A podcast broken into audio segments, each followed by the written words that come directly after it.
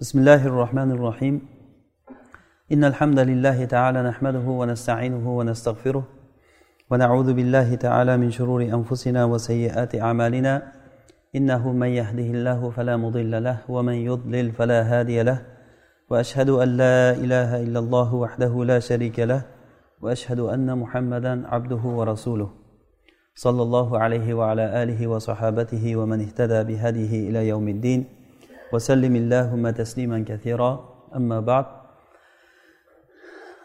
banda to tug'ilgandan boshlab o'lguncha bir holatdan holatga ko'chib yashaydi ya'ni bandani holatlardan har bir holatida jim turishligi ham yoki harakat qilishligida ham uni o'ziga xos bir shar'iy tomondan uni hukmi bor va uni bir holati bor hatto jim o'tirsa ham nimadir qilayotgan bo'ladi? Yo fikr qilayotgan bo'ladi yo zikr qilayotgan bo'ladi. Yoki gapirib turgan bo'lsa yo yo u kishi faxrlanishlik uchun gapirayotgan bo'ladi gunoh oladi. Va yoki kimnidir amri ma'ruf qilib da'vat qilayotgan bo'ladi. Xuddi shunday yo allohni ne'matini odamlarga eslatayotgan bo'ladi. Mana bu holatda demak holatlardan har bir holatda inson arabcha aytganda bir manzilatda bir o'rinda bo'ladi. Buni arab tilida bir manzila deydi.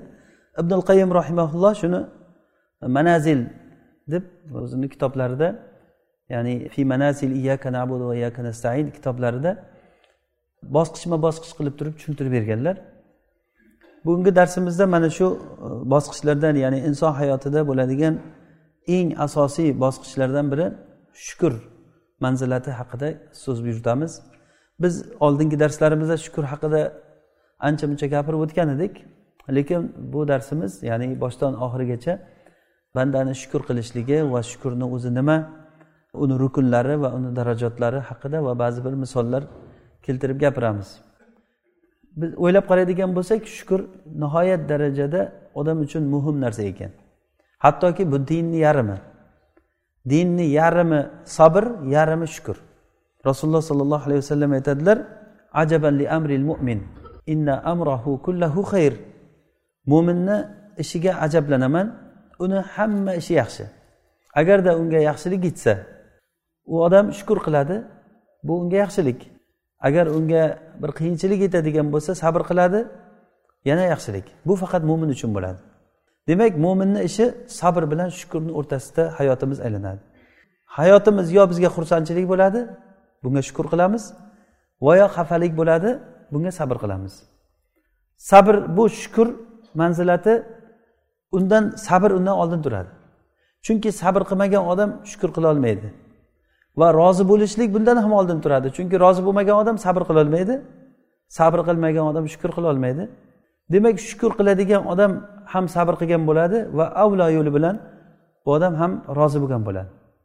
Ya'ni ollohni hukmiga qazosiga ollohni qilayotgan ishlariga rozi bo'lish va bunga sabr qilishlik va nihoyat eng oliy daraja bu shukur qilishlik. Bugun biz mana shu shukur haqida gapiramiz. O'zi shukurni holatini biz agar manzilatini o'ylab qaraydigan bo'lsak buni insonni hayoti mana shundan hech qachon ajralmaydi. Alloh subhanava taolo ba'zan shukurni iymon bilan birga keltirgan ba'zida qur'onda taqvo bilan keltirgan ba'zida esa uni ubudiyat bilan keltirgan. Ya'ni ubudiyat bizni o'zi insonlik vazifamiz. Mana shuni alloh taolo shukur kalimasi bilan birga keltirgan. Masalan alloh taolo aytadiki ma yafalullohu biazabikum in shakartum va amantum va kanallohu shakiron alima. Agar sizlar shukur qilayotgan bo'lsalaring va iymon keltirayotgan bo'lsalaring olloh sizlarni nima qiladi? Azoblab. Demak bizni azoblamasligi uchun biz shukur qilishimiz kerak ekan va iymon keltirishimiz kerak ekan. In shakartum va amantum. Ya'ni o'sha hozir qarang iymon bilan shukurni bitta joyda alloh taolo keltiryapti. Fattaqulloha laallakum tashkurun. Laallakum tashkurun mana. Fattaqulloha laallakum tashkurun. Bu yerda taqvo bilan shukurni birga keltiryapti. Go'yoki taqvo qilmagan odam shukur qilolmaydi degani. Laallakum tashkurun. Yoki bo'lmasa laallakum o'zi kalimasi arab tilida bir g'oya ma'nosida ishlatilinadi ya'ni bu degani sizlar shukur qilishlikka yetib borishlaring uchun taqvo qilinglar degani.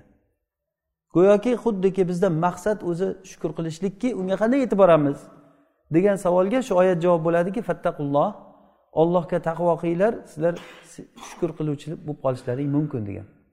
Demak o'zi maqsad bizdan alloh subhanava taolo maqsad qilgan narsa ubudiyat bo'ladigan bo'lsa o'sha ubudiyatni eng katta ko'rinishligi bizdan shukur bilan ko'rinadi.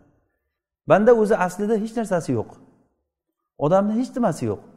Nimaki bizga kelgan bo'lsa biz o'zimizdagi narsamizga ustimizdagi kiyimga o'zimizdagi holatimizga qarang hammasini olloh berdi. Turgan joyimiz mana shu masjid yoki tagimizdagi to'shaklar minib yurgan markabimiz buni hammasini alloh subhanava taolo berdi. Sizlarda qanaqangi ne'mat bo'lsa ham ollohdan u. Bizda hech narsa yo'q edi. Alloh taolo bizni onamizni qonidan chiqargan paytda hech narsani bilmasdik hech narsaga molik bo'lmasdik. Vallohu axrajakum min butuni ummahatikum la ta'lamuna shay'a. Alloh taolo sizlarni onalaringni qonidan chiqargan paytda hech narsani bilmasdinglar. Ya'ni hech narsaga molik emas edik biz. Hech narsani bilmasdik. Keyin alloh taolo mana shuncha narsani berdi. Agar sizlar ollohga ibodat qilayotgan bo'lsalaring ollohni ne'matiga shukur qilinglar. Demak biz ibodat qilishlik uchun yaratilgan ekanmiz shukur qilmasak ibodat bo'lmaydi degani bu. Agar ollohga ibodat qilaman degan niyatlaring bo'lsa ollohga ibodat qilmoqchimisizlar shukur qilinglar degan mana bu shukur bu bilan shukur dinni hammasi degan ma'no chiqib qoladi. Chunki o'zi bizga din tamomiy ne'mat. Din boshidan oxirigacha ne'mat o'zi. Alloh subhanahu va taolo bizga din yubor berganchalik boshqa ne'mat bermagan. Ya'ni bizni taomga bo'lgan sharobga bo'lgan yeydigan ichadigan narsalarga va kiyadigan narsalarga bo'lgan ehtiyojimizdan ko'ra risolatga bo'lgan ehtiyojimiz dinga bo'lgan ehtiyojimiz juda yam katta. Lekin ba'zi bir odamlar faqatgina ularni nasibasi hayvonlarni nasibasi bo'lganligi uchun ular faqat yeyish ichishni shuni biladi va shukur qilsa ham yeyish ichishga shukur qiladi. Risolat ne'matini ular fahmlamaydi. Chunki ular risolat ne'matini qanchalik qadri bor ekanligini ular bilmaydi. Odam agar taomsiz qolsa sharobsiz qolsa ochidan o'ladi. O'lsa hayoti tugaydi tamom. Shuni yo'qotayotgan narsasi odam o'ladi. Lekin agar risolat bo'lmayotgan bo'lsa odam do'zaxga kiradi. O'lgani yaxshimi do'zaxga kirgani yaxshimi? Hatto do'zaxda turgan odamlar o'lishni havas qiladi. Ular do'zaxda turib jahannam farishtasiga ya maliku liyaqdi alayna robbuk. Ey jahannam posboni molik molik ismi? Ey farishtaga aytadiki ey molik robbingga aytgin bizni o'ldirsin deydi. Agar o'lsak shu rohat qilamiz ozroq bo'lsa ham qutulamiz degan maqsadda. Insonni o'zi olloh subhanahu va taolo ikkiga bo'lib yaratdi uchinchisi yo'q. Yo shukur qiluvchi bo'ladi yo kofir bo'ladi. Inna hadaynahu sabila imma shakiron va imma kafura. Biz insonni yo'lga hidoyatladik yo shukur qiluvchi bo'ldi yo kofir bo'luvchi bo'ldi. Demak inson uchinchi odam yo'q degani yo shukur qiluvchi bo'lib mo'min bo'ladi yoki kofir bo'ladi degani. Inna hadaynahu sabila imma shakiron va imma kafura. In takfuru fa innalloha g'aniyun ankum agar sizlar kofir bo'ladigan bo'lsanglar alloh taolo sizlardan behojat zot sizlardan hech narsaga muhtoj emaydi va in tashkuru yardahu lakum agar shukur qilsanglar rozi bo'ladi demak bu yerda shukur qilishlikni nimani muqobilida keltiryapti kufrni muqobilida keltiryapti in takfuru va in tashkuru agar kofir bo'lsalaring alloh taologa hech qanday sizlarni qilgan ishlaringni keragi yo'q o'zi olloh ehtiyoji borligi uchun menga hamd aytinglar menga ibodat qilinglar namoz o'qinglar deb olloh muhtojligi uchun aytmagan bizga. Agar qilsalaring o'zlaringga qilasizlar. Agar shukur qilayotgan bo'lsanglar alloh taolo buni bandalaridan kim shukur qilsa shunga rozi bo'ladi. Va in tashkuru yardahu lakum. Agar shukur qilsalaring alloh taolo rozi bo'ladi. Fazkuruni azkurkum vashkuruli vala takfurun. Meni eslanglar deyapti alloh taolo men sizlarni eslayman. Menga shukur qilinglar kofir bo'lmanglar deyapti. Shukur qilinglar kofir bo'lmanglar. Qarang bu yerda ham hozir ikkita narsa yonma yon kelyapti. Shukur qilinglar kofir bo'lmanglar. Demak shukur qilishlikni yonida kofir bo'lishlik turadi. Odam shukur qilmadimi albatta kofir bo'ladi degani bu. Demak bu iymonni asosiy asosiy o'zi shakllantirib ko'rsatib berayotgan narsa bu shukur ekan. O'sha uchun ham alloh subhanava taolo buni iymonni muqobilida qo'ydi. O'sha uchun ham bu shukurni agar shukurga yetishga kerak bo'lsa taqvo qilinglar dedi. O'sha uchun ham buni ibodat muqobilida qo'ydi alloh taolo. Ya'ni ibodat degani eng katta ko'rinishi ibodatni rukni. Asosiy insonda hayotida bo'layotgan narsa bu shukur bo'ladi. Men bugungi darsimizda mana shu shukur nimasini manzilatini shu haqda gapirmoqchi bo'lganligim avvalambor men o'zimni holatimdan umuman o'zimiz bilgan shu voqelikni o'ylab ko'rgan taqdirda shunga bizni judayam katta ehtiyojimiz borligini o'zi his qildim. Shukur qilishlikka bizda ehtiyojimiz judayam katta ekan. O'zi aslida shukurni ahamiyati uni dindagi o'rniga qarasak uni dinni yarmisi. Shukur dinni yarmi yarmi shukur yarmi sabr o'zi. Agar shundoq bo'layotgan bo'lsa biz shukur qilay olyapmizmi? Biz shukur qilmayapmiz lekin qilmasligimizni ham bilmayapmiz. Ajablanarli joyi ya'ni e, xatarli joyi shundaki shukur qilmaganligini inson o'zi bilmaydi. Hatto ba'zi kishilarga shukur qiling desangiz nimasiga shukur qilay deydi.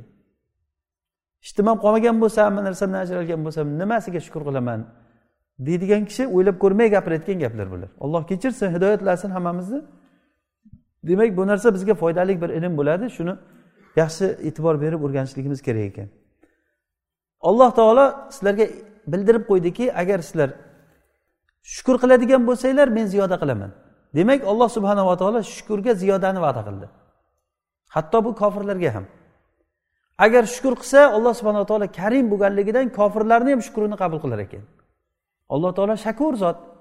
Biz alloh subhanava taoloni shakir shakur ismini aytgan paytimizda eslaringizda bo'lsa aytgandikki alloh subhanava taolo kofirlarni shukrini ham qabul qiluvchi zot. O'sha lekin alloh taolo kofirlar shukur qilsa shu dunyoda ularga ziyoda qilib beradi. Hatto ba'zi ulamolar kofirlarni do'zaxda ham ularni darakot bo'ladi turadigan joylari agar shukur qilsa ular teparoq maqomda bo'ladi deyishgan ekan.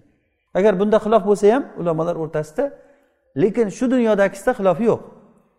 Ya'ni kofirlar agar shukur qiladigan bo'lsa alloh subhanava taolo ularni shukrini qabul qiladi. La in shakartum la azidannakum. Agar shukur qiladigan bo'lsalaring men ziyoda qilaman degan. Lekin biz bu va'daga ishonib iymon keltirganimizdan keyin bitta narsani bilishimiz kerakki ziyoda nima o'zi? Masalan hozir alloh subhanaa taolo aytyaptiki agar shukur qilsalaring ziyoda qilaman deyapti. Ziyoda qilaman desa biz o'ylaymizki masalan hozir ming pulimiz bo'lsa shukur qilsak ikki mingga aylanib qolishi kerak deb o'ylaymiz. Ba'zan ollohni ziyoda qilganligi shukur qilsangiz shu qolgan qo'lingizdagi mingdan ajralishingiz ham mumkin.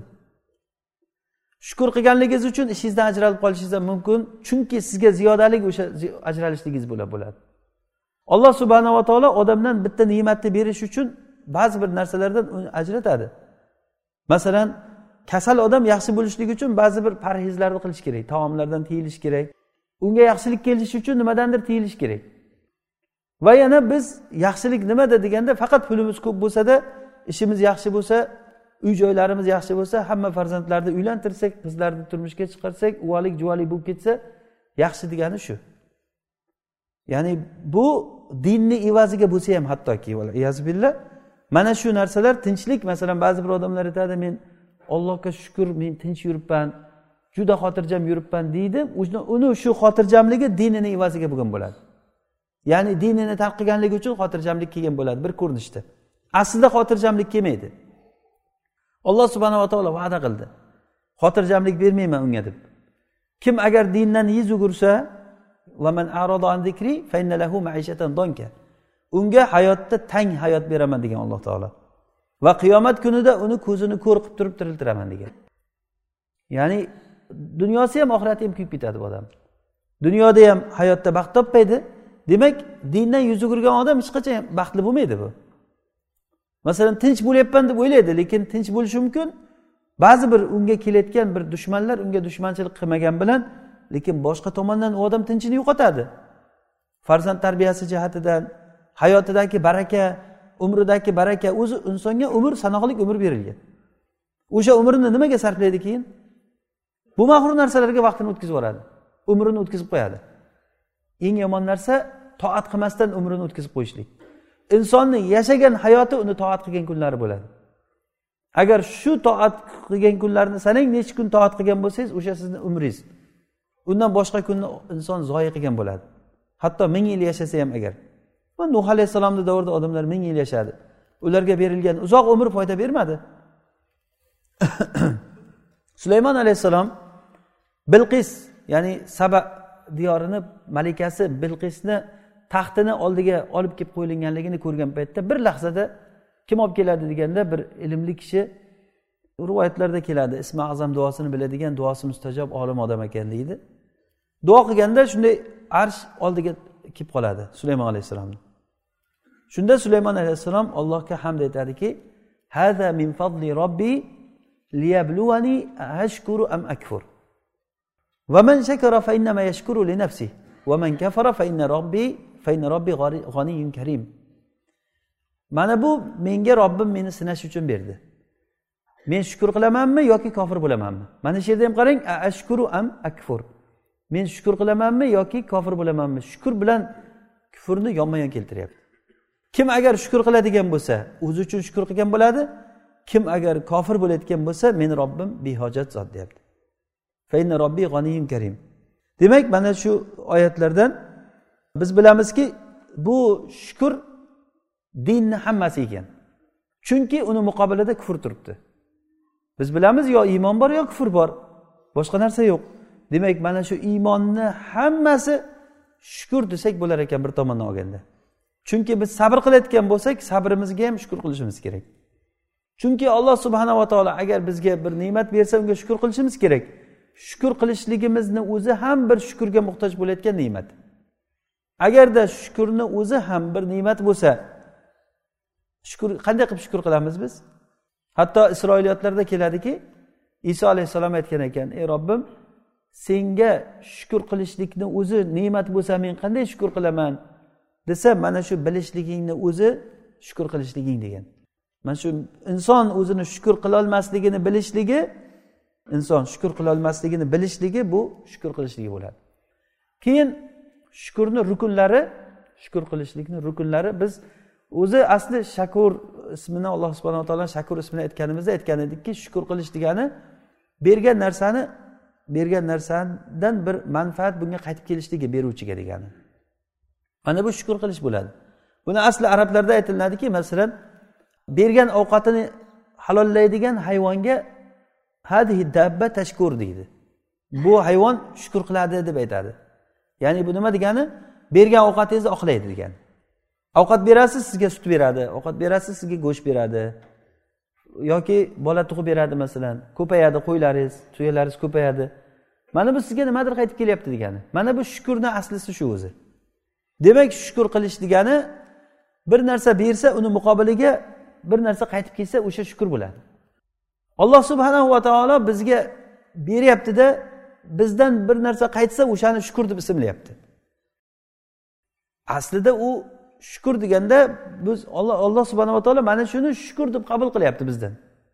Ya'ni ollohni bergan narsasini o'ziga qaytarib berishligimizni hammasini emas uni ham. Hammasini emas. Masalan alloh taolo bizga qirq so'm bersa bir so'mini so'rayapti shuni. Bir so'mini bergin deyapti bir so'mini bersa alloh taolo mana bu bir so'm berdi bu men uchun deb jannatga kirgizyapti aslida o'zi o'ttiz to'qqiz so'mini o'zini manfaatiga ishlatgan asli qirq so'm hammasini olloh bergan. O'shani ham bermaydi odamlar. O'shani bersa ham yomonini beradi. To bo'yniga tirab olib borgandan keyin kofir bo'lasan hozir bermasang degandan keyin olloh uchun ma deb turib berib yuboradi ana bu narsa nima bu qanaqangi shukur qilishlik bo'ladi endi? Olloh karim zot baribir ham shuni ham qabul qildi. Shukur qilmagan odamlarni shukur qilishlikka chorladi ularni. Har xil va'zlar bilan har xil da'vatlar bilan va yana balolar yubordi. Lekin biz unaqangi g'ofil odamlar bo'lmasligimiz kerakki qachon boshimizga balo kelgandan keyin ne'matni bilib voy biz shukur ne'matda bo'lgan ekanmiz bilmay qolibmiz deb. Fala yu'minu hatta yarovul azabal alim. Alamli azobni ko'rmaguncha iymon keltirmaydi ular deydigan odamlar safidan bo'lib qolmasligimiz kerak. Ya'ni ne'matni ko'ra bilish kerak kishi. Mana bu insonni ilmidan bu. Avvalambor alloh subhanava taoloni tavfiqi alloh taolo o'zi tavfiq bergan odam ne'matni ko'ra biladi. Shukurni rukunlari beshta. Shukurni rukunlari beshta. Chunki nima uchun beshta? Chunki shukur qilishlik yo til bilan bo'ladi yo til bilan bo'ladi. Bu til bilan aytishlik degani ne'matni tan olishlik va ne'mat berganga maqtov aytishlik menga shuni berdingiz haqiqatdan bu ne'mat sizdan bo'ldi va siz yaxshilik qildingiz menga ko'p yaxshilik qildingiz deb turib unga maqtov aytishlik. Bu tilni vazifasi. Yoki bo'lmasa qalb bilan bo'ladi u qalb bilan bo'layotganligi bu muhabbat va shuhud bilan bo'ladi. Ya'ni bu degani qalb yaxshi ko'radi alloh taolo bergan narsani masalan alloh taologa ne'mat bersa olloh bizga o'shani qalbimiz bilan ollohni yaxshi ko'rishligimiz va shu ne'matni ko'ra bilishligimiz. Bu uchun qalb ochiq bo'lishi kerak. Agarda qalb ko'r bo'lsa billah qalb quflangan bo'lsa qalbga muhr bosilgan bo'lsa ne'matni ko'rmas ekan. Nimasiga shukur aytaman deb turaveradi odam?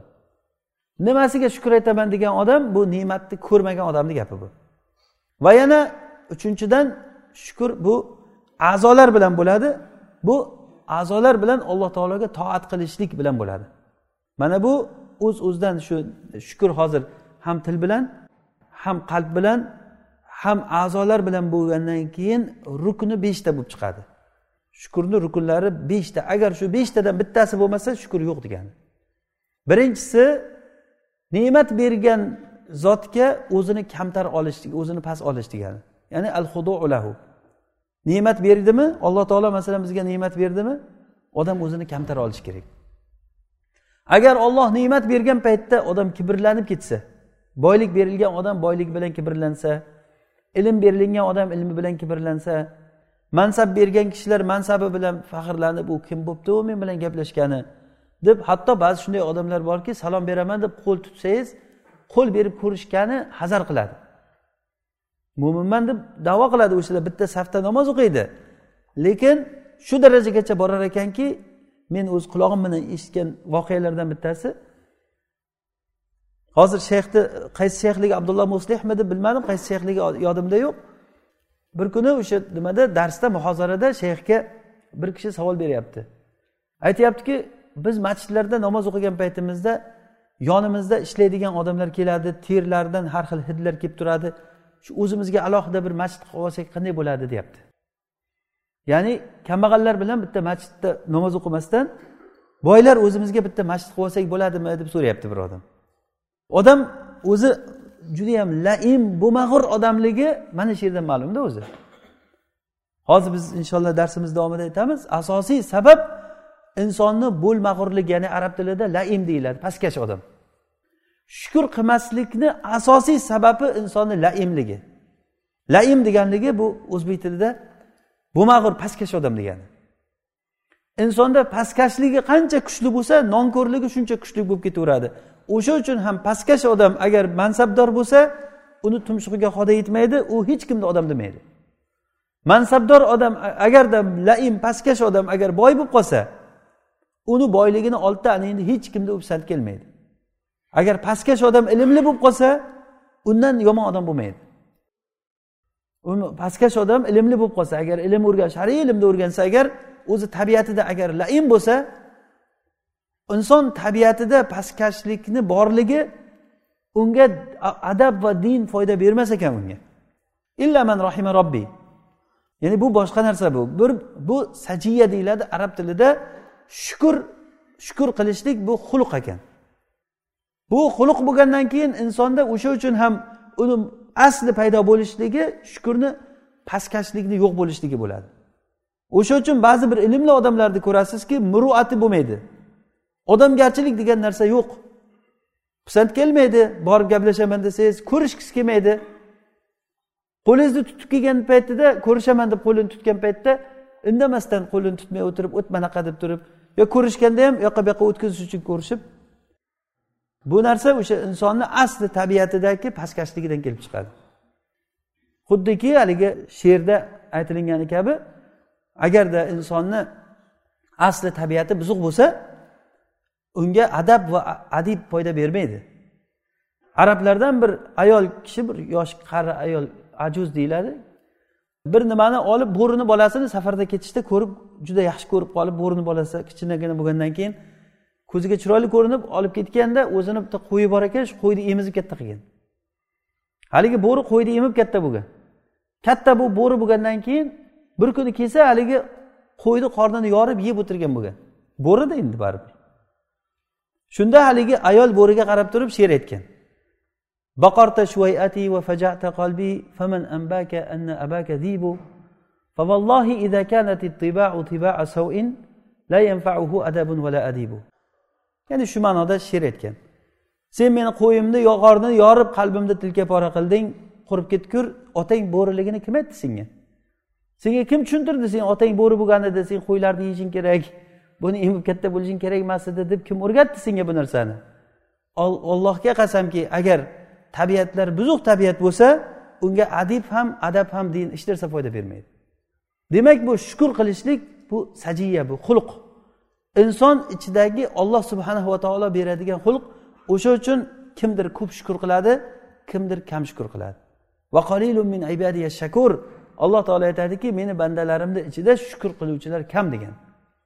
Alloh taolo bizni mana shu kamchilik kishilardan qilsin.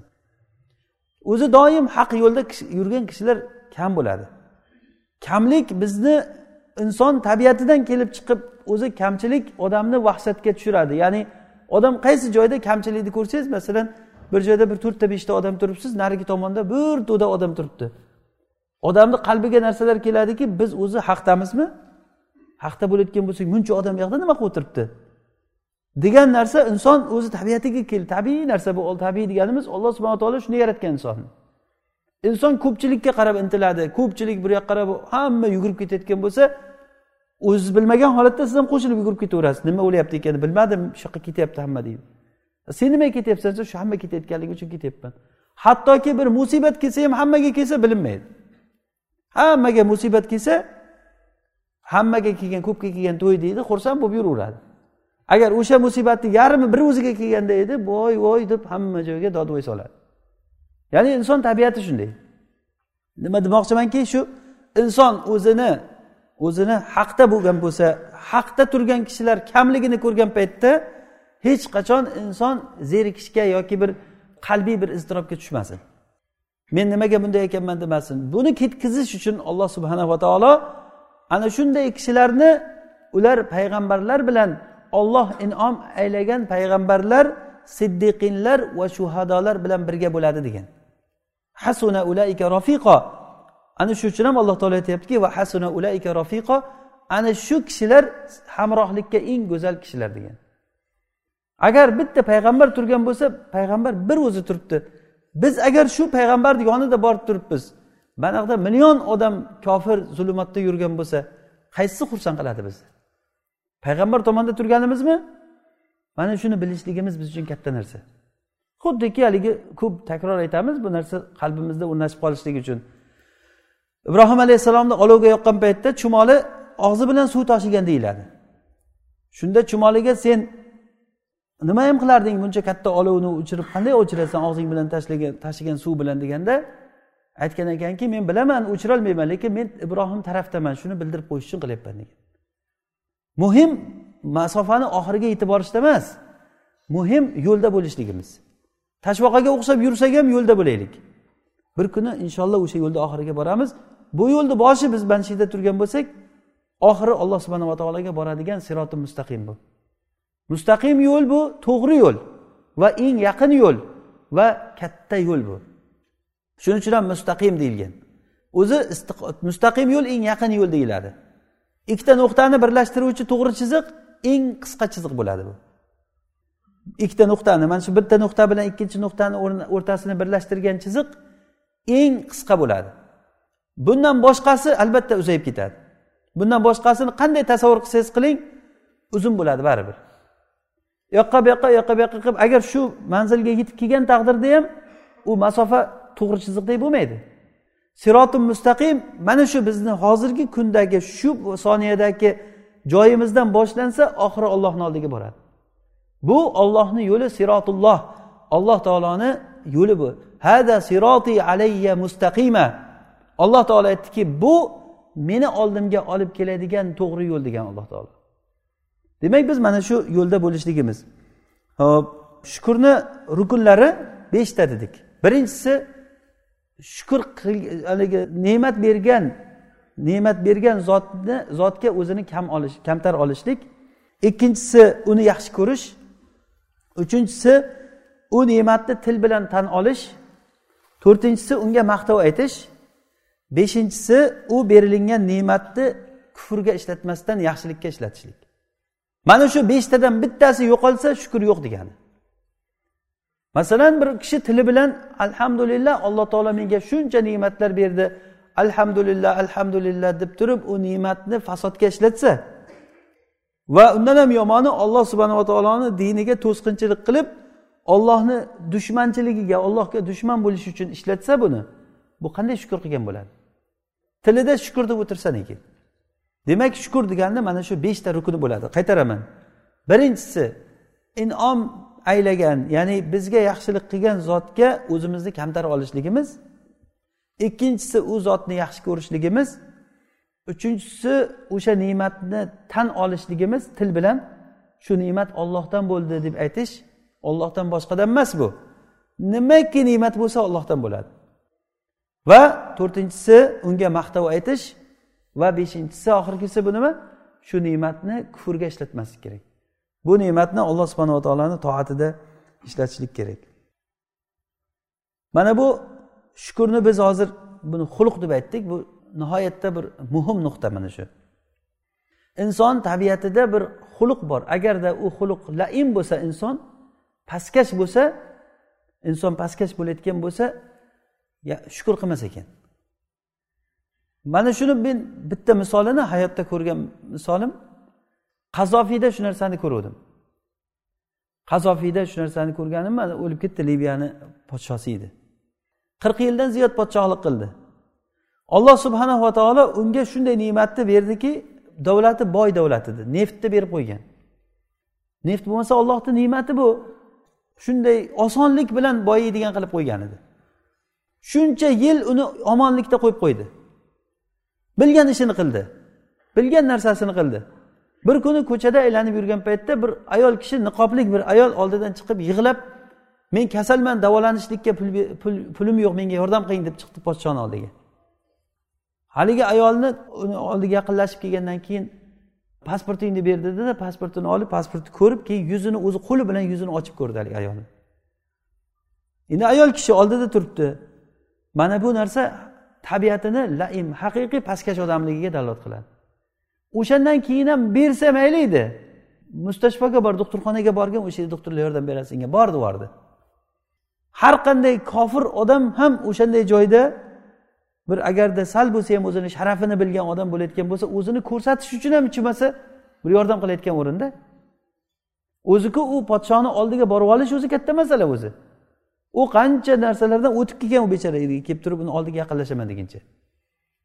U ayol xato qildi o'sha yerda katta xato qildiki shu pastkashdan sen so'raguncha ikki rakat namoz o'qib ollohdan sajda qilib so'rasang olloh o'zi shifo berib yuborishi mumkin senga. Bu ham bir ibrat ya'ni odamlar uchun bu narsa katta bir ibratki bu mana shu insonni bir pastkashligiga dalolat qilayotgan narsa shu.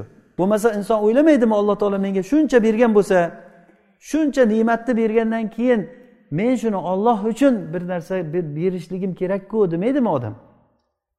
Mana shu shukur bo'lar edi agar berganda buniki shukur bo'lar edi u qancha qancha bergan bo'ladi yana berganda ham bir og'iz so'zini qilmayaptiyu. Doktor boringlar men nomimdan borgin doktorlarga aytgin yaxshi qarasin shunga nimaga bu ayol kasal nimaga qaramaysizlar deb bir og'iz aytib yuborsa bo'lardi o'sha yerdada u o'zi bormaydi ham cho'ntagidan puli ham ketmaydi mehnat ham qilmaydi. O'sha bor mustashfoga bor degan gapidan kamroq gapirsa ham yaxshilik qilib yuborsa bo'ladi shunga. Boshqacha yo'li bilan. Shu o'rinda bir buxoriy va muslim rivoyat qilgan abu hurayrani hadisini aytib berishlik o'rinli deb bilaman. Ko'p eshitganmizu lekin juda muhim mana shu shu masalamizga. Bizdan oldingi kishilardan bani isroilnidan uchta odamni alloh taolo imtihon qildi. Ya'ni uchta odamni alloh taolo imtihon qildi. Ular pes odam va kal va ko'zi ojiz odam. Ularni alloh taolo imtihon qilishlikni xohladi. Muslim rivoyatida arodalloh an yabtaliyahum. Alloh taolo ularni imtihon qilishlikni xohladi deb kelgan. Buxoriyni rivoyatida va bada va bada lillahi an yabtaliyahum. Alloh taolo ularni imtihon qilishlik bada degani arab tilida fikr keldi degan ma'no chiqadi. Lekin muslimni rivoyatida aroda deb kelgandan keyin bu muhtamal narsani muhkamga qaytarib turib alloh taolo iroda qildi deb tushunamiz. Buni tolib ilmlarga foyda uchun aytib ketamiz. Ya'ni bir joyda muhtamal bo'lgan narsaga ikkinchi bir joyda muhkam kelsa muhtamal narsani muhkamga qaytarib tushunamiz. Alloh subhanava taolo ularni imtihon qilmoqchi bo'ldi. Imtihon qilmoqchi bo'lib turib bir farishtani odam suratida farishtani yubordi. Farishta keldi haligi e, pes odamga birinchi boshlab aytdiki sen nimani xohlaysan? Nimani xohlaysan degandi haligi pes aytdiku men chiroyli bir terini xohlayman dedi. Badanim chiroyli bo'lsa dedi.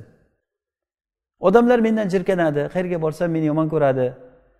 Va yana nimani xohlaysan deganda agar boylikdan o'zi moldan nimani xohlaysan deganda tuyani yaxshi ko'raman degan. Shunda u farishta duo qildi uni badani yaxshi bo'lib qoldi. Xuddi hech narsa kasallik yo'qdek yaxshi bo'lib qoldi va unga bir tuyani berdi homilador tuya edi. O'shani ba'zi rivoyatlarda bir qo'li bilan siladi siladi deb aytilingan ya'ni farishta yoki duo qildi har qalay shu tuyani berdi. Tuyani berdi alloh taolo mana shu molingga tuyaga baraka bersin dedi. U tuya shu tuqqandan tug'ib ko'payib ketdiki vodiylar to'lib ketdi tuyaga. Ya'ni xuddi o'sha farishta o'sha paytda o'zida kal odamni oldiga kelgan u aytgan men sochim chiqishligini yaxshi ko'raman degan moldan nimani yaxshi ko'rasan deganda sigirni degan bir homilador sigir bergan. Duo qilgan alloh taolo bu sigiringga baraka bersin degan. Keyin shu bilan sigir tug'ib ko'payib ketgan. Ko'zi ojiz oldi odamni oldiga kelganda sen nimani xohlaysan? deganda meni ko'zim ochilsa men odamlarni ko'rsam. Allohga duo qildi ko'zi ochildi. Keyin moldan nimani xohlaysan? deganda qo'yni yaxshi ko'raman degan. Unga bir bola tug'adigan homilador tuya qo'y berdi. Va duo qildi alloh baraka bersin shunga dedi. Mana u tuya tuqqandan tug'di mol tuqqandan tug'di qo'y tug'di. Vodiylar to'lib ketdi uchalasini qanchadir vaqt o'tdi olloh xohlaganchalik vaqt o'tdi. Olloh barakasini bergandan keyin tuya xuddi qurt ko'paygandek ko'payadi. Mol xuddi shunday qo'y ham xuddi shunday. Olloh bir barakasini bersa ko'payib ketar ekan. Keyin haligi farishta yana xuddi o'sha suratida kelib turib imtihonni boshladi. Kelib birinchi o'sha nimani oldiga keldi? Pes odamni oldiga. Pesni oldiga kelib turib men bir yo'lovchiman olloh uchun yo'lovchiman qiynalgan odamman. Olloh uchun menga shuncha tuyalaring bor ekan bittasini bergin.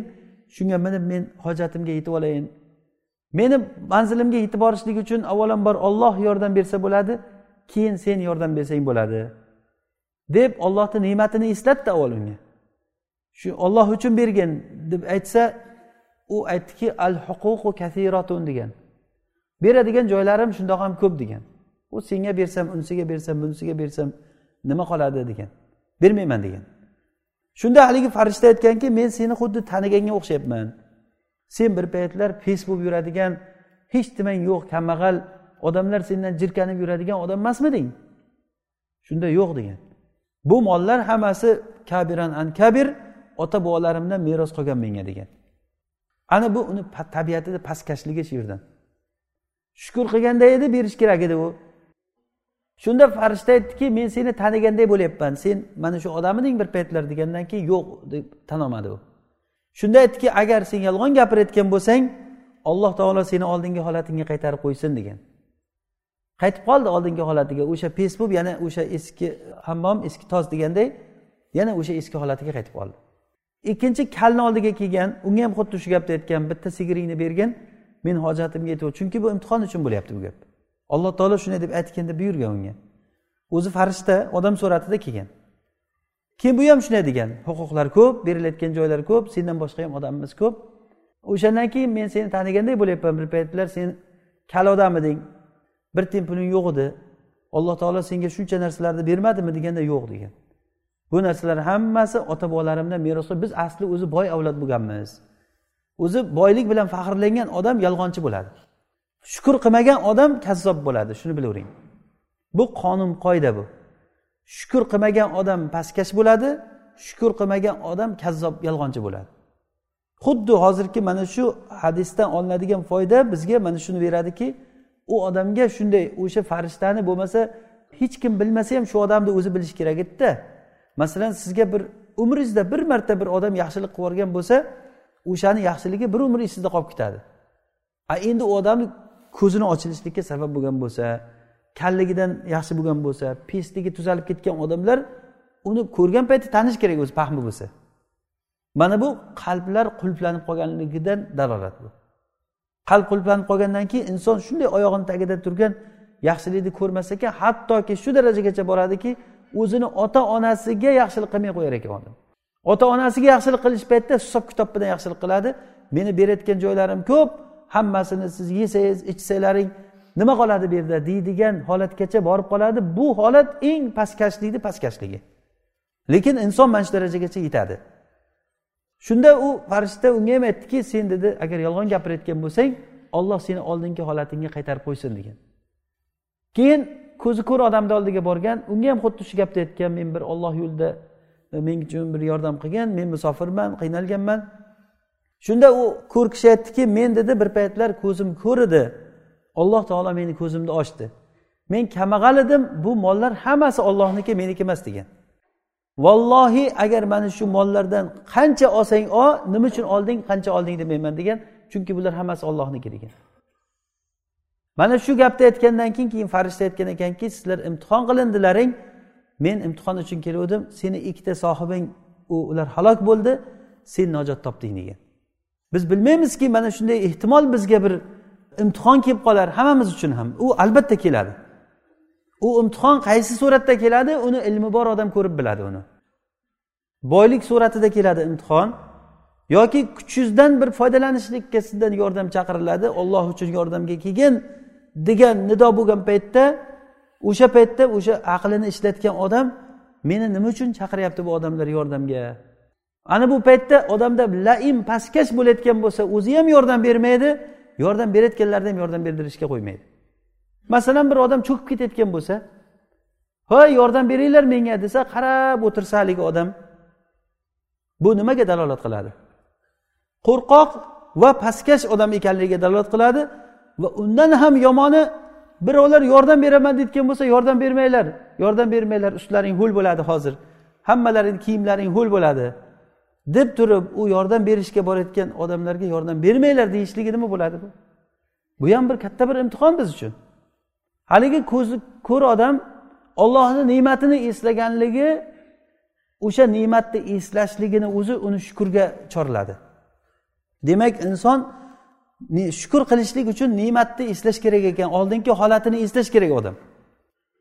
Oldingi holatini eslash. Mana umar ibn hattob roziyallohu anhu nimaga? Shomga borgan paytlarida shomda abu ubayda ibn jarroh u kishi shomni amiri bo'lgan. Umar ibn hattob madinadan shomga shomni holatini tekshirishlik uchun bitta o'zini xizmatchisi g'ulomi bilan birga ikki kishi yo'lga chiqqan. U katta katta qo'riqchilaru katta mulozamatchilar emas. Ustida yamoq kiyimi oyoq kiyimi yirtilib ketganligidan olib qo'ltig'iga qisib olgan.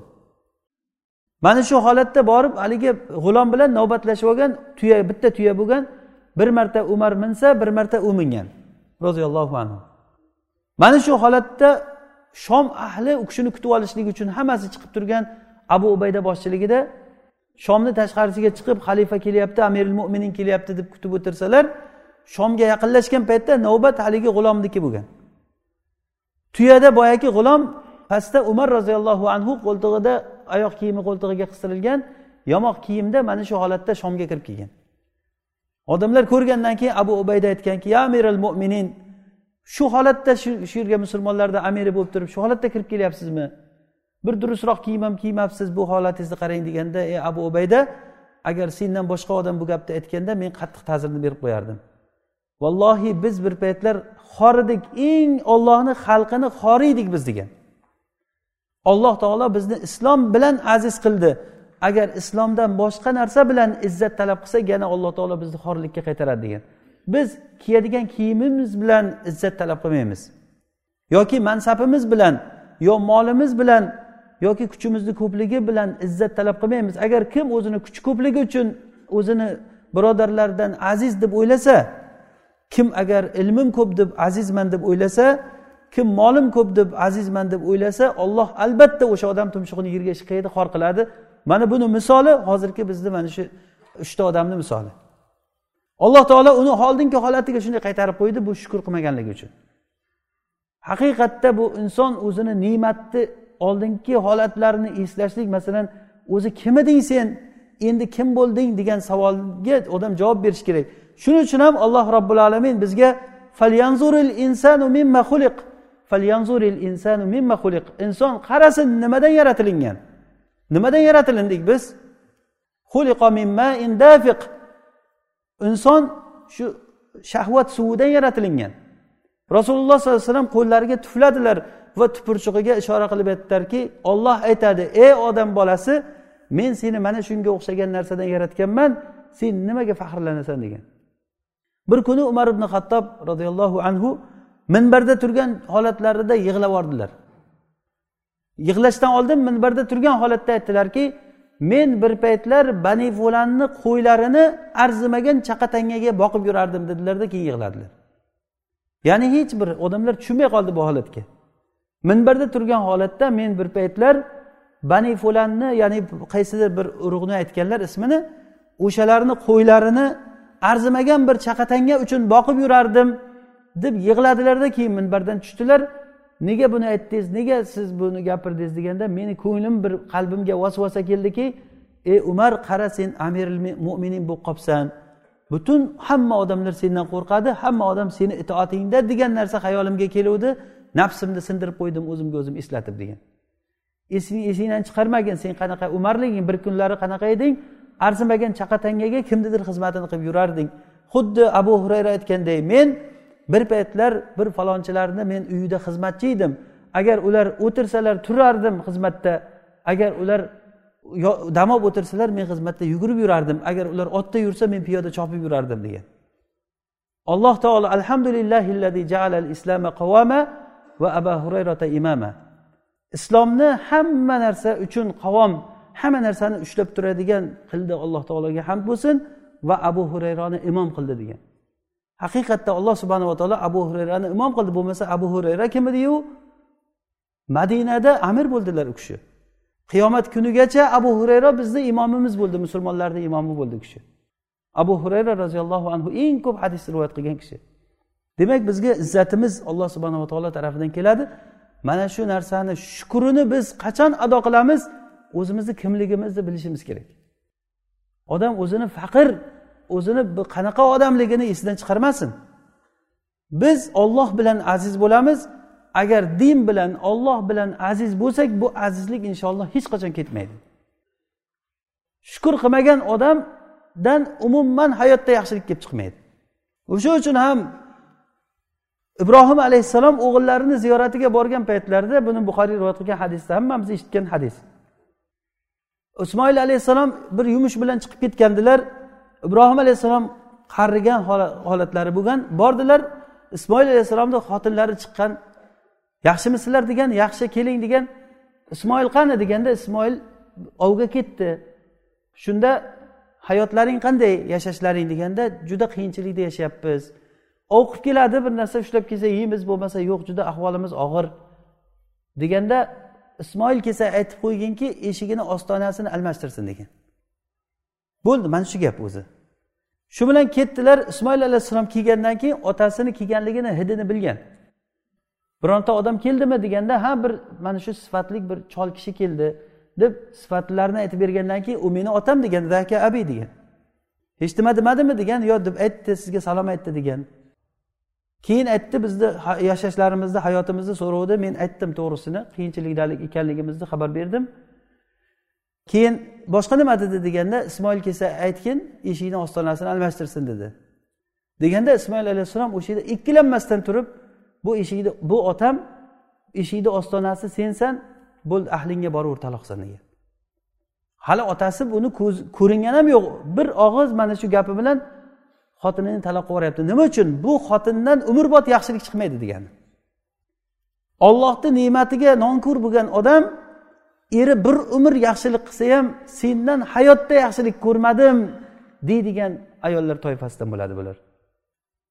Bir paytlar to'rtdan bir er bo'lsa ham bo'ldi menga deb yurgan ayollar ikkinchi xotin bo'lib uchinchi xotin bo'lib tekkandan keyin sabr qilolmayapman menga bundaychangi hayotni umuman keragi yo'q menga meni taloq qilsin. Men bu hayotda yashamayman men bezor bo'ldim bunaqangi hayotdan degan holatlarni eshitib hayron qolasan odam. Hozir mana shu holatdan sen kechib boshqa holatga ketsang nahot o'ylaysanmi bir yaxshiroq bundan ko'ra yaxshiroq hayotga o'tib ketishlikni? Balkim bo'lar balkim bo'lmas lekin allohga shukur aytishlik qani bu yerda? Ollohni ne'matiga sabr qilish alloh taoloni berganiga shukur qilish qanoat qilish rozi bo'lish qani bu yerda? Keyin bir paytlar ibrohim alayhissalom yana keldilar. Yana keldilar keyin kelganda ismoil alayhissalom boshqa bir ayolga uylangan bo'lgan. Yana xuddi shu holat so'radilar yashashlaring qanday deganda u kishi aytdilarki yashashligimiz yeganlarimiz yaxshi yashayapmiz alhamdulillah go'sht yeymiz suv ichamiz degan. O'sha paytda ularda yeydigan narsasi shu edi. Go'sht bilan suv. Ibrohim alayhissalom duo qildilar alloh taolo sizlarni go'shtlaringga va suvlaringga baraka bersin. O'sha paytda rasululloh sollallohu alayhi vasallam aytadilar o'sha paytda ularda faqat go'sht bilan suv bor edi agar bug'doy bo'lganda edi bug'doy bo'lganda edi ibrohim alayhissalom bug'doyga ham duo qilgan bo'lardilar. Shuni barakasi hozirgacha ularda makka ahlida go'sht bilan suvni barakasini ko'rasiz. Birorta bir xonadonda go'sht yo'q xonadonni kamdan kam topar ekan odam. Bu ibrohim alayhissalomni duolari. Hatto faqir bo'lsa ham faqir bo'lsa ham uyida go'sht bo'lar ekan o'sha odamda. Go'sht bilan suv haqiqatdan suvga alloh taolo baraka berganligi suvni toshib ichadi ular. Lekin suvni barakasini ko'ring hamma joyda suv bor. Hamma boshqa yerlarda yo'q bo'lgan sharoitda suvni o'sha joyda ko'rasiz. Keyin aytdilarki ismoil kelsa menga mendan salom aytib qo'ygin va eshigini ostonasini mahkam qilsin aytib qo'ygin dedilar. Keyin xabar kelgandan keyin xuddi shu voqeani aytib aytib bergandan keyin bu meni otam bo'ladi eshikni ostonasi sensan sendan otam rozi bo'libdi deb shu xotinini mahkam ushlagan demak bu noshukur bo'lishligi insonni mana shunday holatlarga olib keladi. Ya'ni biz o'zi darsimizni o'zi boshida ham aytdiku noshukur bo'lishlikni alloh taolo kufrni muqobiliga qo'ydi deb. Intashkuru yardahulakum va intakfuru ya'ni shukur qilishlik va kofir bo'lishlikni ikkovsini alloh taolo muqobil qo'ygan. Rasululloh sollallohu alayhi vasallam aytganlarki kimki agar o'zini jamoasini ichida o'zini ahlini ichida omonda bo'lsa man kana aminan fi sirbihi. Ya'ni kimki agar o'zini jamoasini ichida omonlik bo'lsa va uni yeydigan bir kunlik taomi bo'lsa xotirjam o'tirgan bo'lsa uni taomi bo'lsa sharobi bo'lsa va uni yeydigan qut deydi o'sha ozuqasi bo'lsa go'yoki unga dunyo hammasi berilgan odam bo'ladi. O'zi dunyodan bizni olayotganimiz shuda o'zi. Masalan biz buni men nima uchun aytyapman? Inson o'zi yaxshilik nima ekanligini faqat pul bilan hisoblamaslik kerak. Pul bilan. Bizdagi eng katta noto'g'ri o'lchamlardan biri mana shuki masalan bir g'arb davlatlariga yoki boshqa bir kufr diyorlariga ishlagani rizq izlab borgan kishilar ishlaydi pul topadi pul topadi. Masalan pul topib kelib turib uy olishligi mumkin moshina olishligi mumkin ancha muncha tirikchiligini yaxshi qilib olishligi mumkin lekin bu yutuqni muqobilida yutqazish ham bo'ladi taroziga qo'yib ko'rish kerak keyin. Nimalar yutdi va nima yutqizdi? U qancha vaqt ahlidan uzoqda qolib ketdi va bu paytda bolalari nima tarbiya ko'rdi? Qizlari nima tarbiya ko'rdi? Xotini qanday iffatini saqlab yurdi? Bu bir. Ikkinchidan topib kelgan pulini nimaga ishlatyapti bu ikki? Shuni agar yutuq deb agar hisoblaydigan bo'lsa bu odam g'irt johil odam bo'ladi. Biz yutuq degan tushunchani bilib olishligimiz kerak o'zi. Masalan ba'zan insonda ollohni ne'matini biz ko'rmaganligimizdan ba'zi salafdan ba'zi bir kishilarga kelib turib tirikchilikda shikoyat qilgan paytda sen menga qo'lingni kesib bergin men senga yuz ming dirham beraman. Yo'q bermayman. Ko'zingni o'yib olayin yana yuz ming dirham beraman. Yo'q oyog'ingni kesib ber bo'lmasa. Bitta bitta a'zolarini aytganda yo'q degan. Shuncha narsang bor ekan nimaga shikoyat qilasan? degan. Odam mana shu yerga hozir o'zimiz yurib keldikmi hammamiz? Birov yetalab kelmadimi? Birov ko'tarib kelmadimi? Hamma narsani alloh taolo berib qo'yibdi ne'matni. Hatto shunchalik bo'lishi mumkinmi faraz qilingki sizga dunyoni hamma narsasi berildi misol uchun. Dunyoni hamma narsasi berildi. Butun hamma mol mulk berildi lekin shu bilan birga ko'zingiz ojiz qo'l oyog'ingiz ishlamaydi agar sizga aytilinsaki sen qo'lingdagi hamma ne'matlarni berasan evaziga faqat ko'zing ochiladi. Qo'l oyog'ing ishlamaydi o'shanda ham. Desa ixtiyor yo'q bo'lsa sizda. Yo qo'lingizdagi hamma narsani berasiz ko'zingiz ochiladi yo qo'l oyog'ingiz ishlaydi bittasi bo'ladi desa odam shunga rozi bo'ladimi yo'qmi? Ko'zi ochilishlikka rozi bo'ladimi yo'qmi? Nima kerak unga dunyo? Buncha dunyo davudasga masalan ayting bir kishini millionta moshinasi bor. Nima kerak bor u moshinalar bunga? Minsa bittasiga minadi. Millionta moshinasi bor odam o'sha bitta moshinaga minishlik nasib qilmay qoladi u odamga. Qancha uyi bo'lgan taqdirda ham bitta joyda turadi. Qancha kiyimlari bo'lgan taqdirda ham bitta kiyim kiyadi. O'sha uchun ham rasululloh sollallohu alayhi vasallam aytyaptilarki kim agar ahlida omon turgan bo'lsa uni yeyar ichari bo'layotgan bo'lsa xotirjam turgan bo'lsa bu odam butun dunyoni yaxshiligi berildi unga degan. Dunyo o'zi shundan iborat o'zi. Mana bu narsani bilgan bilishlik nimaga olib keladi? Bizni shukur qilishlikka olib keladi. Biz allohga shukur qilaylik alloh taolo bizga ziyoda qiladi. O'sha uchun odam sog'ligim ketdi deb qayg'uga tushmaslik kerak chunki alloh taolo sog'ligini olgan bilan unga boshqa bir ne'matni bergan bo'ladi. Yoki bo'lmasa shuni orqasida ko'p narsalardan uni e, vaqtini o'shanga tejab qo'ygan bo'ladi. Ba'zi bir odamlar bor ishdan bo'shab haligi pensiyaga chiqish deymizku o'sha pensiyaga chiqqandan keyin haqni ko'rib masjidlarga borib ko'rib e gap buyoqda ekan ballarim gap buyoqda ekan deb qoladi. Lekin u gapiga hech kim ishonmaydi buyoqdagilar yoshlar. Yo'q gap narigi tomonda deb yuraveradi bular ham keyin. Odam ko'zi ochilaman deguncha bir qanchadir vaqtlar o'tib ketadi. Biz bunaqangi g'ofil odam bo'lmasligimiz kerakki qachon bir alamlik azobni ko'rgan paytimizda ne'matni qo'limizdan sug'urib olib qo'ygan paytda o'sha ne'mat attang shu ne'mat bor ekan bilmay qolgan ekanmiz. Demaylik. Ne'matani mag'bunun fihima kathirun minan nas. As-sihhatu val farog rasululloh sollallohu alayhi vasallam aytadilarki ikkita ne'mat bor unda ko'p odamlar aldangan u ne'matda. Aldangan degani o'shani yaxshi joyga ishlatilmay qolgan.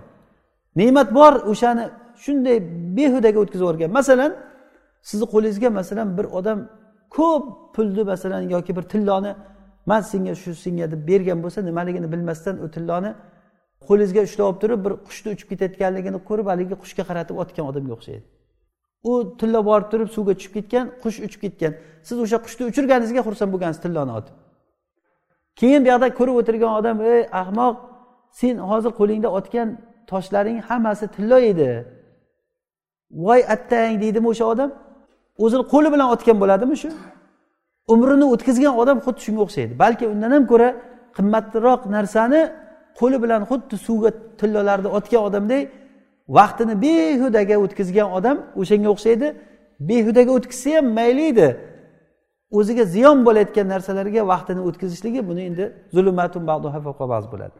Ho'p qisqa qilib aytamiz bu nimani shukurni nimalari darajotlari uch xil bo'lar ekan.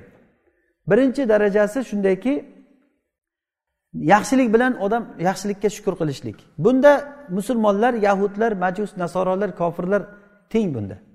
Chunki ular ham shukur qiladi. Ular ham ollohni tan oladi. Hozir bir yahudiyga borib turib buncha ne'matni senga kim bergan desa nima deydi? Olloh bergan deyishi mumkin yahudiy bir nasoraga qayta bitta musulmon aytmagan gapni aytishi mumkin. Misol uchun bu narsada ko'p kofirlar bilan musulmonlar teng. Ikkinchisi darajasi bu yomonliklarga shukur qilishlik. Ya'ni insonga bir musibat kelsa mana shu musibatga shukur qilishlik. O'zi musulmon kishi ne'matga shukur qilishligi katta bir masala. Min shakur degan alloh taolo aytadiki shukur qiluvchilar juda kam odamlar ichida. Lekin undan ham kamrog'i musibatlarga qiyinchiliklarga shukur qilishlik. Ya'ni buning uchun inson uni oldida yomonlik bilan yaxshilikni farqi bo'lmasligi kerak hammasi ollohdan deb odam bila olishi kerak. Ya'ni bu darajat bu. Bunga yetib borishlik uchun inson ollohni yaxshi tanish kerak. Ollohni yaxshi tanigan kishi dunyoni haqiqati nima ekanligini bilib qoladi. Dunyo va dunyodagi odamlarni hammasi foyda ziyonda nol ekanligini biladi. Odamlar tarafidan bizga kelayotgan foyda nol hech narsa foyda odamlardan kelmaydi. Ziyon odamlardan kelmaydi. Ziyon foyda ollohdan keladi hammasi. Ollohni yaxshi tanigan kishi mana bu narsani yaxshi biladi. Ya'ni bizga kelayotgan yomonliklar kimni izni bilan kelyapti? Ollohni izni bilan kelyapti. Kim xohlayapti shuni bo'lishligini? Olloh xohlayapti. Har qanday musibat bo'lganda o'sha musibat bilan sizga bir ne'mat keladi. Birinchidan shu musibat bundan ham katta bo'lishligi mumkinmidi yo'qmidi? Mumkin edi. Va bu musibat sizni qancha gunohlaringizni olib ketadimi? Bu gunohlarni olib ketishligini o'zi katta bir ne'mat. Ya'ni bu bekordan bekorga bo'lmayapti. Bu musibatni bizga kim yubordi? Arhamur rohimin yubordi. Demak arhamur rohimin eng rahmlik zot bizga yuborgan narsasida yomonligini xohlamaydi. Bizga albatta bir yaxshilik uchun kelgan bo'ladi. Bu narsani bilaman. Mana shuni bilgan odam shukur qiladi. Hatto unga xafa qilayotgan narsalar kelganda ham shukur qiladi. Uchinchi darajasi bu eng iymoni komil bo'lgan yetishgan kishilarni nimasi? Bu degani banda faqatgina har bir holatda ne'mat beruvchini rioyasini qiladi. Har qanday holatda ne'mat beruvchini rioyasini qiladi. Ya'ni bu degani inson alloh taolo nimani bersa ham yaxshilikni beradimi yomonlikni beradimi har qanday holatda faqat alloh taoloni ko'radi xolos. Buni misoliga ulamolar bir misolni keltirgan. Bir sulton bir g'ulomini o'zini bir xizmatchisini o'ziga yaqin ko'rar ekan. Yaxshi ko'rib o'shani bir e'zozlab yurar ekan boshqa odamlardan ko'ra. Keyin unga tanbeh bo'libdiki nimaga siz bu odamni o'zizga ko'p yaqin qilasiz? Deganda indamay qo'ygan ekan ko'rasizlar hali deb. Bir kuni safarga chiqqan safarda ketishlikda bir joydan o'tib ketishda otda ketayotgan paytda haligi sulton toqqa qaragan ekan tog'ni ustida qorlar bo'lgan ekan. Sulton ozroq turib haligi qorga qarab turgan ekanda keyin yana yurib ketgan ekan. Shu paytda haligi g'ulom otni yugurtirib ketib bor toqqa borib qor olib kelib turib podshoni qo'liga bergan ekan. Podshoni qo'liga bergan paytda podsho aytgan ekanki ko'rdilaringmi men nima uchun buni o'zimga yaqin qilaman? Chunki bu meni rioyamni qiladi faqat degan. Men qi desam qiladigan emas u uni harakatlarini harakatlariga rioya qiladi. Haligi podshoh bekorga qaramadi. Shunday to'xtab turib toqqa qarab bir qarab turib ketuvdi. Uni o'sha qarashligidan shuni birdan bildi. Xuddi bir masalan ayol kishilarda bu narsa bo'ladi. Eriga to'liq rioya qiladigan haqqini beradigan xizmatini qiladigan ayollar eri nima demoqchi bo'lganligini birdan biladi. Ovqat yeb bo'lgandan keyin u yoq bu yoqqa qaraversa birdan qo'liga qo'llar artayotganini tutadi. Ha demaydi. Mendil olib ketsa qayerda demaydi. mana bu narsani o'sha qanchalik darajada bir fahm farosati yaqin bo'lsa o'shani rioyasini qilsa shunchalik yaqin yaqinlashib boraveradi. Alloh subhanava taolo bizga hammamizga foydali ilm bersin. Alloh taolo o'ziga shukur qiluvchi bandalardan qilsin. Alloh taolo va qalilu min ibadiya shakur degan shukur qiluvchi bandalarim juda kam degan. Alloh taolo mana shu kamlar toifasidan qilsin. Subhanakallohumma bihamdik nashhadu an la ilaha illa ant nastag'firuka va natubu ilayk.